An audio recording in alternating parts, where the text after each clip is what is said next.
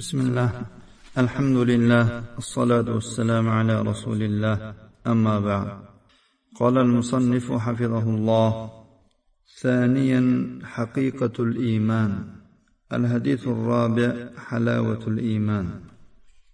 مصنف حفظه الله dedilar ikkinchi bo'lim iymonning haqiqati to'rtinchi hadis iymonning halovati عن انس بن مالك رضي الله عنه عن رسول الله صلى الله عليه وسلم قال ثلاث من كن فيه وجد بهن حلاوة الإيمان أن يكون الله ورسوله أحب إليه مما سواهما وأن يحب المرء لا يحبه إلا لله وأن يكره أن يعود في الكفر بعد أن أنقذه الله منه كما يكره أن يقذف في النار متفق عليه anas ibn molik roziyallohu anhudan rivoyat qilinadi rasululloh sollallohu alayhi vasallam dedilar kimda uch narsa topiladigan bo'lsa bu bilan u iymon halovatini topadi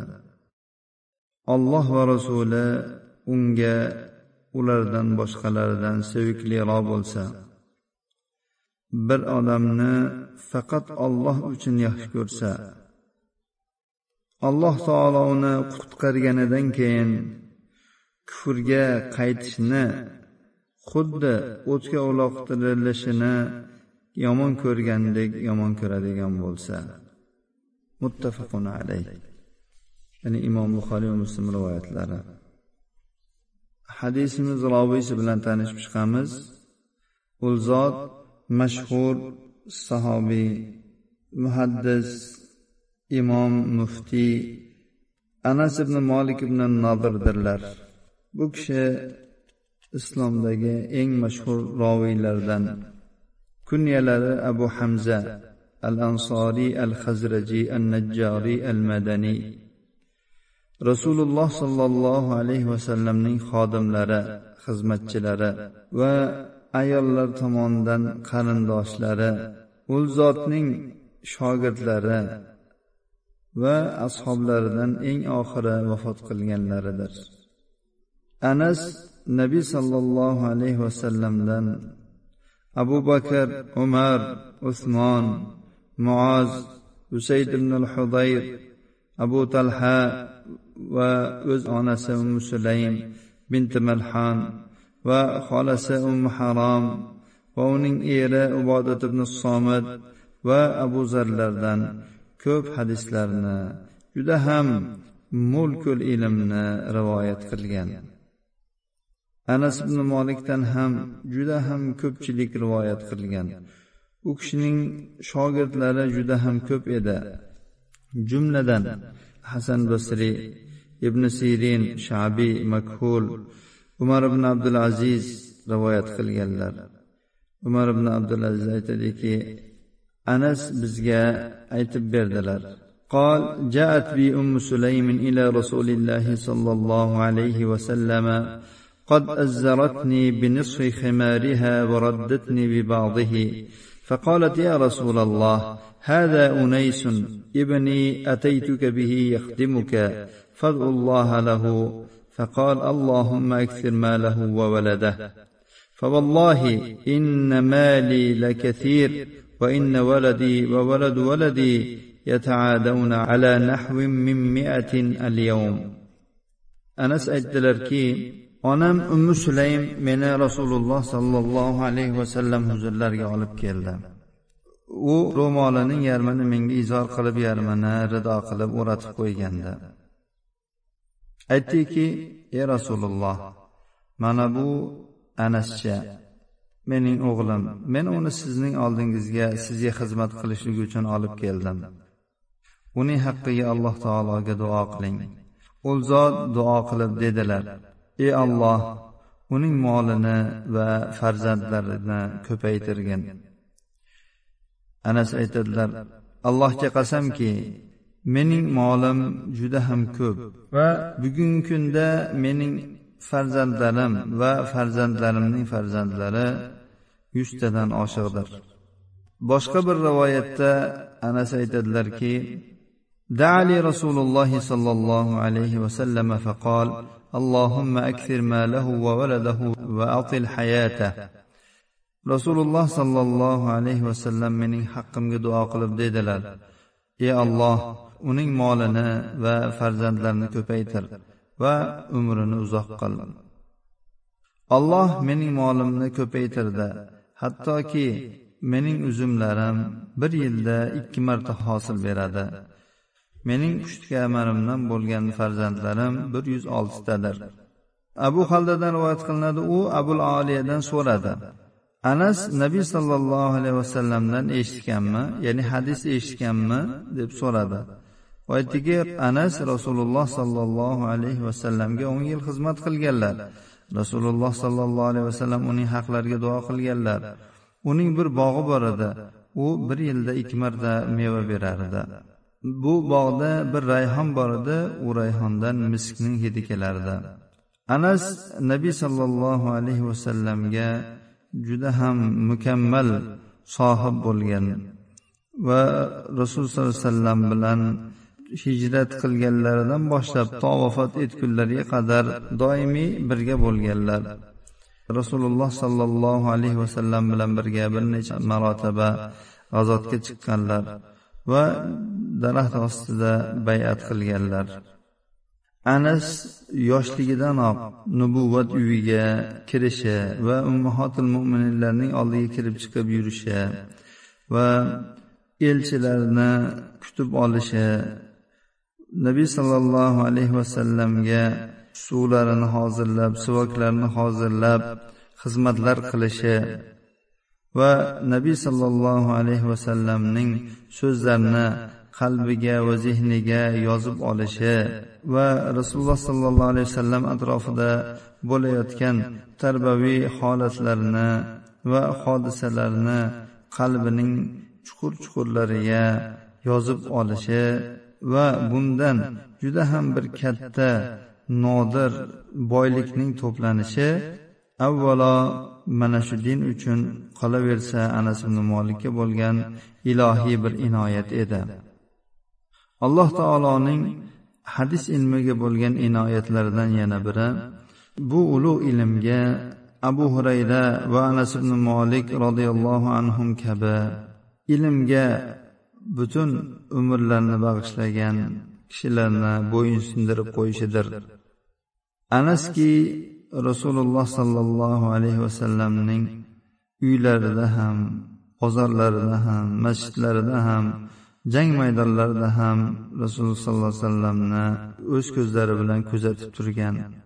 Muso ibn anasdan anasning o'g'li musodan rivoyat qilinadi aytadiki anas roziyallohu anhu rasululloh sollallohu alayhi vasallam bilan sakkizta g'azotda ishtirok etgan anas rasululloh sollallohu alayhi vasallamga juda ham qattiq taqlid qilardilar hattoki u haqda abu hurayra aytadilarki ما رأيت أحدا أشبه بصلاة رسول الله صلى الله عليه وسلم من ابن أم سليم يعني أنسا أبو هريرة aytdilarki men rasululloh sollallohu alayhi vasallamning namoziga ibn ummu sulaymdan ko'ra o'xshaganroq biror kishini ko'rmadim. Anas roziyallohu anhuning rasululloh sollallohu alayhi vasallamning ibodatlari xulqlari va dinlari bilan ta'sirlanishi tabiiy edi. Sumoma roziyallohu anhudan rivoyat qilinadi dedi. Anas shu darajada tahajjud namozi o'qirdiki uzoq qiyomda turganligidan oyoqlari yorilib qonab ketardi.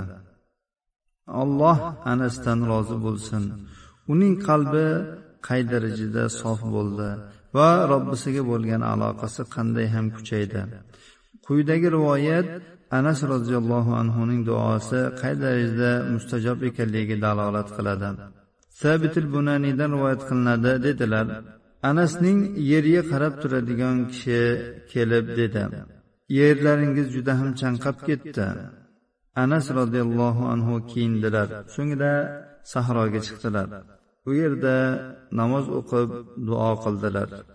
Shunda to'satdan osmonda bulut paydo bo'ldi va u anasning yerlarini qamrab oldi va yomg'ir yog'dirdi. Hattoki anasning hovzi ham suvga to'ldi. Bu yoz faslida edi. Anas bolalardan birini yuborib dedi borib qaraginchi yomg'ir qayergacha yetdi ekan? U borib qaraganda yomg'ir uning yerdan ozgina o'tgan ekan xolos.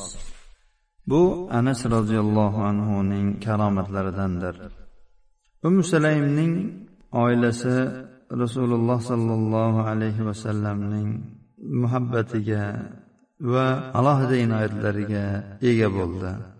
Rasululloh sollallohu alayhi vasallam ularni uylarida ziyorat qildilar. Bu anasning tarbiyasida juda ham katta ta'sir qildi. Anasdan rivoyat qilinadi nabiy sollallohu alayhi vasallam um sulaymning huzurlariga kirdi. Um sulaym rasululloh sollallohu alayhi vasallamga xurmo va sariyog' olib kelib taqdim qildi. Shunda rasululloh sollallohu alayhi vasallam xurmolaringizni va sariyog'ingizni idishlarga qaytarib qo'yinglar men ro'zaman dedilar. So'ngra uyning bir chetiga o'tdilarda bizga farzdan boshqa bir nafl namoz o'qib berdilar. Ummu salaymning haqqiga va uning ahli baytining haqqiga duo qildilar. Ummu sulaym aytdiki ey rasululloh meni sizga bir iltimosim bor. U zot nima ekan dedilar. Shunda xizmatchingiz anas dedi. Rasululloh sollallohu alayhi vasallam dunyo va oxirat yaxshiliklaridan bo'lgan barcha narsalar bilan mening haqqimga duo qildilar. So'ngra duolarning oxirida dedilarki ey olloh unga mol va farzand bergin va ularga bu narsada barakat ato etgin. Anas aytadilarki men ansorlarning eng moli ko'piman. Qizim umayna aytadiki mening sulbimdan hajjoj basraga kelguniga qadar bir yuz yigirma to'qqiztasi dafn etilgan ekan. Ya'ni ular hayotlarini yashab anas roziyallohu anhudan oldin vafot etib ketganlar. Chunki anas roziyallohu anhuning umrlari uzoq bo'lgan. Anas roziyallohu anhu shaharlararo yurib odamlarga rasululloh sollallohu alayhi vasallamning hadislarini ta'lim berdilar. Ularga rasululloh sollallohu alayhi vasallamning sulukiyatdagi va amal qilishdagi va namozni chiroyli barpo qilishdagi namunalarini taqdim qilardi. Amr ma'ruf va nahiy munkar qilardilar nasihat qilardilar o'rni kelganda tanqid qilardilar. Hajjojga qarshi odamlarni qo'zg'atuvchi kishilardan bo'lgandilar. Ya'ni hajjojga qarshi odamlarni gijgijlardilar hajjoj u zotning qo'llariga tamg'a bosdi. Amash aytadiki anas abdul malik ibn marvonga maktub yozdilar. Men rasululloh sollallohu alayhi vasallamga to'qqiz yil xizmat qilganman. Hajjoj meni basraning hunarmandlariga ro'baro qilmoqda. Ya'ni shu tamg'a bosuvchilarga ro'baro qilganligini nazarda tutmoqdalar. Bu maktub abdul malik ibn marvonga yetib borganda u o'zining kotibiga dedi. Ey kotib hajjojga yozgin. Holing voy bo'lsin. Agar oldimda bo'lganingda men senga ko'rsatib qo'ygan bo'lardim. Bu maktubim senga yetib borgach anas ibn molikning oldilariga borda va u zotdan uzr so'ragin. Deb maktub yo'lladi. Anas roziyallohu anhu to'qson uchinchi hijriy yilda vafot etdilar. Shunga ko'ra u zotning yoshlari bir yuz uchta bo'lgan. U zotning rivoyat qilgan hadislari ikki ming ikki yuz sakson oltita imom buxoriy va muslimlar ya'ni birgalashib tafaqun alayh qilib bir yuz saksonta hadis rivoyat qilganlar imom buxoriy alohida saksonta hadis rivoyat qilgan bo'lsalar imom muslim to'qsonta hadisni rivoyat qilganlar. Hadisning sharhiga o'tamiz. Imom navaviy rahimaulloh dedilar bu juda ham ulug' hadis va islom asoslaridan biridir. Ulamolar deganlar iymonning halovati degani toat ibodatlar bilan lazzatlanish alloh taoloning va rasulining roziligi yo'lida mashaqqatlarni ko'tarish va bu narsalarni dunyo matolaridan afzal ko'rishdir va bandaning toat ibodatlarini qilish va alloh taoloning buyruqlarida itoat qilishi va qaytariqlarida muxolifat qilmasligi bilan bandaning shu robbiga muhabbat qilishi shuningdek rasuliga ham muhabbat qilishidir. Iymon halovatining alomatlaridan biri. Mo'min qalbining eng tubidan ajal alloh taoloning qo'lida ekanligi bandaga yetgan narsa unga hech qachon yetmay qolmasligi yetmagan narsa esa hech qachon yetmaydi deb e'tiqod qilishi va ummat agar unga biror narsa bilan yaxshilik qilishga jamlanishadigan bo'lsa ular unga faqat alloh taolo uning foydasiga yozib qo'ygan yaxshiliknigina yetkaza oladilar. Agar ummat unga biror narsani zarar berishlik uchun jamlanadigan bo'lsalar unga faqat alloh taolo yozib qo'ygan narsanigina zarar bera oladilar xolos deb e'tiqod qilishidir. Alloh taolo aytganki قل لن يصيبنا إلا ما كتب الله لنا هو مولانا وعلى الله فليتوكل المؤمنون ayting ey muhammad sollallohu alayhi vasallam bizga faqat alloh taolo yozib qo'ygan narsalargina yetadi alloh taolo bizning yordamchimizdir kofirlar ustidan bizga nusrat beruvchi zotdir mo'minlar alloh taoloning yolg'iz o'ziga tavakkul qilsinlar Halovatul iymon degani mo'min qo'rqinchdan qo'rqoqlikdan va hayajondan ozod bo'lishi va sabr shijoat va jasorat bilan dadillik bilan sifatlanishidir. Qodi iyod rahimaulloh aytadilarki alloh va rasuliga bo'lgan muhabbat faqatgina iymoni juda ham kuchli bo'lgan va iymoni nafsida ya'ni qalbida qaror topgan u bilan qalbi yorishgan va iymon uning qoni va go'shiga aralashib ketgan kishidagina alloh taolo va rasulining muhabbati to'la bo'ladi. Mana shu odam iymon halovatini topadi. Yana aytganlarki alloh taolo yo'lida yaxshi ko'rish bu alloh taoloni yaxshi ko'rish samaralaridandir. Ba'zi bir olimlar aytganlarki muhabbat degani rob taolo rozi bo'ladigan narsalarga qalbning muvofiq kelishidir. Alloh taolo yaxshi ko'radigan narsani yaxshi ko'radi u yomon ko'radigan narsani yomon ko'radi. Iymon halovatining alomatlaridan yana biri mo'min ich ichidan rizqlar alloh taoloning qo'lida ekani. Alloh taolo biror bandaga bir rizqni beradigan bo'lsa hech kim uni man qila olmasligi va biror jon to rizqini va ajalini to'la qilmaguncha o'lmasligini e'tiqod qilishidir.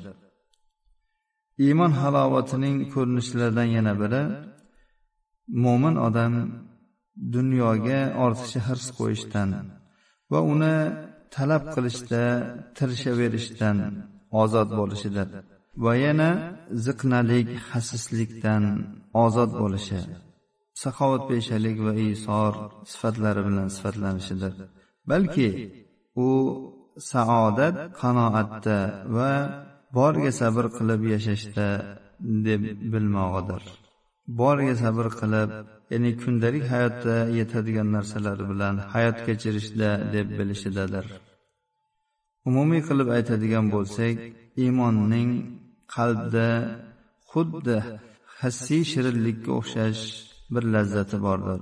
Balki uning lazzati halovati ya'ni oddiy hissiy halovatdan ko'ra yuqoriroq bo'ladiki bu halovat bilan juda ham qattiq achchiqliklarni ham daf qilib yuboradi. Buni esa alloh taolo uning qalbini islomga ochib qo'ygan kishigina biladi. Iymon halovatlaridan mo'min kishi nafs havoga qullikdan va nafs ammoraning talablaridan va mol va ayollar fitnasidan ozod bo'lishi va alloh taoloni doimiy kuzatib turish bilan va alloh taologa ixlos qilish alloh taolodan madad so'rash va butun ishlarini alloh taologa topshirish bilan sifatlanishi va butun vujudi bilan omonat jiddiylik puxtalik bilan amal qilishga harakat qilishidir. Iymon halovati mo'min mana shu bosqichlarni ya'ni halovat bosqichlarini bosib o'tishligini talab qiladi. U quyidagichadir. Birinchisi muhabbatini va do'stligini alloh jalla jalaluhu uchun berish bilan olloh va rasuliga xolis muhabbat qilish. Chunki alloh subhanahu va taolo yolg'iz yaratuvchi bo'lganligi uchun va insonni zohiru va botin ne'matlar bilan burkab qo'yganligi uchun va insonga butun koinotni bo'yinsindirib qo'yganligi uchun ham alloh subhanahu va taolo mana shu muhabbatga loyiqdir. Va yana banda alloh taologa muhtoj ekanligi va har bir holatida alloh taologa suyanganligi uchun alloh taolo mana shu muhabbatga loyiqdir. Alloh subhanahu va taolo qur'oni karimda dedi muzdar duo qilgan paytda kim uni duosini ijobat qiladi? Unga yetgan musibatlarni ko'taradi va sizlarni yer yuzidagi xalifalar qilib qo'yadi. Olloh bilan boshqa bir ilohmi? Sizlar juda ham oz ibrat olursizlar dengizu quruqlik zulmatlarida kim sizlarni yo'lga boshlab qo'yadi? Rahmatining oldidan ya'ni yomg'ir yog'dirish oldidan bashorat qilib shamollarni kim yuboradi? Alloh bilan birga boshqa bir ilohmi?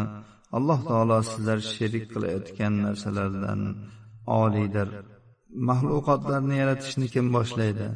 So'ngra uni yana qayta tiriltiradi. Osmonu yerdan sizlarga kim rizq beradi? Olloh bilan boshqa bironta ilohmi? Agar hujjatingiz bo'lsa keltiringlar. Agar sizlar davolaringizda to'g'ri so'zlovchi sodiq bo'lsangizlar. Demak alloh subhanahu va taolo butun koinotni mana shu insonga bo'yinsundirib qo'ygan ekan. Shuning uchun ham alloh subhanahu va taolo insonning unga nisbatan muhabbat qilishiga eng loyiq zotdir. Agar mo'min alloh subhanahu va taoloning muhabbatidan unga bo'lgan do'stligidan unga bo'lgan muhtojligiyu unga tavakkul qilishi va alloh taolodan madad so'rashlarida uning ne'matlariga va bergan fazilatlariga shukur qilishda. Mana shu darajada bo'lmasa u davo qilgan muhabbatida yolg'onchi bo'ladi va iymon halovatini totmaydi. Demak birinchisi olloh va rasuliga xolis muhabbat qilish va buning sabablari aytib o'tildi. Nima uchun? Xolis muhabbat bo'lishligi. Ikkinchisi olloh va rasuli bu odamga bu mo'minga boshqalardan ko'ra sevikliroq bo'lishi. Ulamolar bu tabiiy emas ixtiyoriy muhabbat deganlar. Buning asosi inson o'zining nafs havosi undan boshqalar ustida alloh taolo va rasulining toatini tanlaydi. Alloh taolodan boshqasini olloh yo'lida yaxshi ko'rishligi ya'ni olloh uchun o'z nafs havosi uchun emas olloh uchun. Va butun yomon ko'radigan narsalarini alloh taoloni yo'lida yomon ko'rishligidir. Bu ikkisi bir birini lozim tutganligi uchun go'yoki bu ikkisi bir xislatdir demak alloh taolo mo'min kishining huzurida butunlay mutlaqo yaxshi ko'rilgan zot bo'lishligidir. Shunday bo'ladigan bo'lsa qalb ya'ni nafs alloh taologa bog'lanib qoladi. Mana shunda rasululloh sollallohu alayhi vasallamning aytgan so'zlarining osorlari ko'rinadi. U zot aytganlarki sizlardan biringiz o'ziga yaxshi ko'rgan narsani toki birodariga ham yaxshi ko'rmagunicha barkamol mo'min bo'lmaydi. Ikkinchisi muhabbatning hammasi alloh taologa bo'lishi ekan.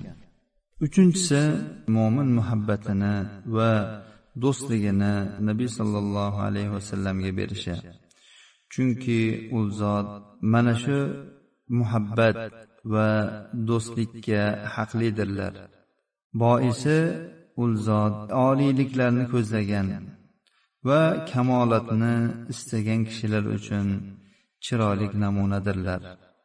Rasululloh sollallohu alayhi vasallam ushbu muhabbatga va mana shu do'stlikka loyiqliklarining yana bir sababi u zot omonatni ado etganlar risolatni yetkazganlar va ummatga nasihat qilganlar va alloh subhanahu va taolo bizdan mana shu payg'ambarona muhabbatni talab qilgandir alloh taolo aytganki قل إن كنتم تحبون الله فاتبعوني يحببكم الله ayting ey muhammad sollallohu alayhi vasallam agar sizlar alloh taoloni yaxshi ko'radigan bo'lsangizlar menga ergashinglar.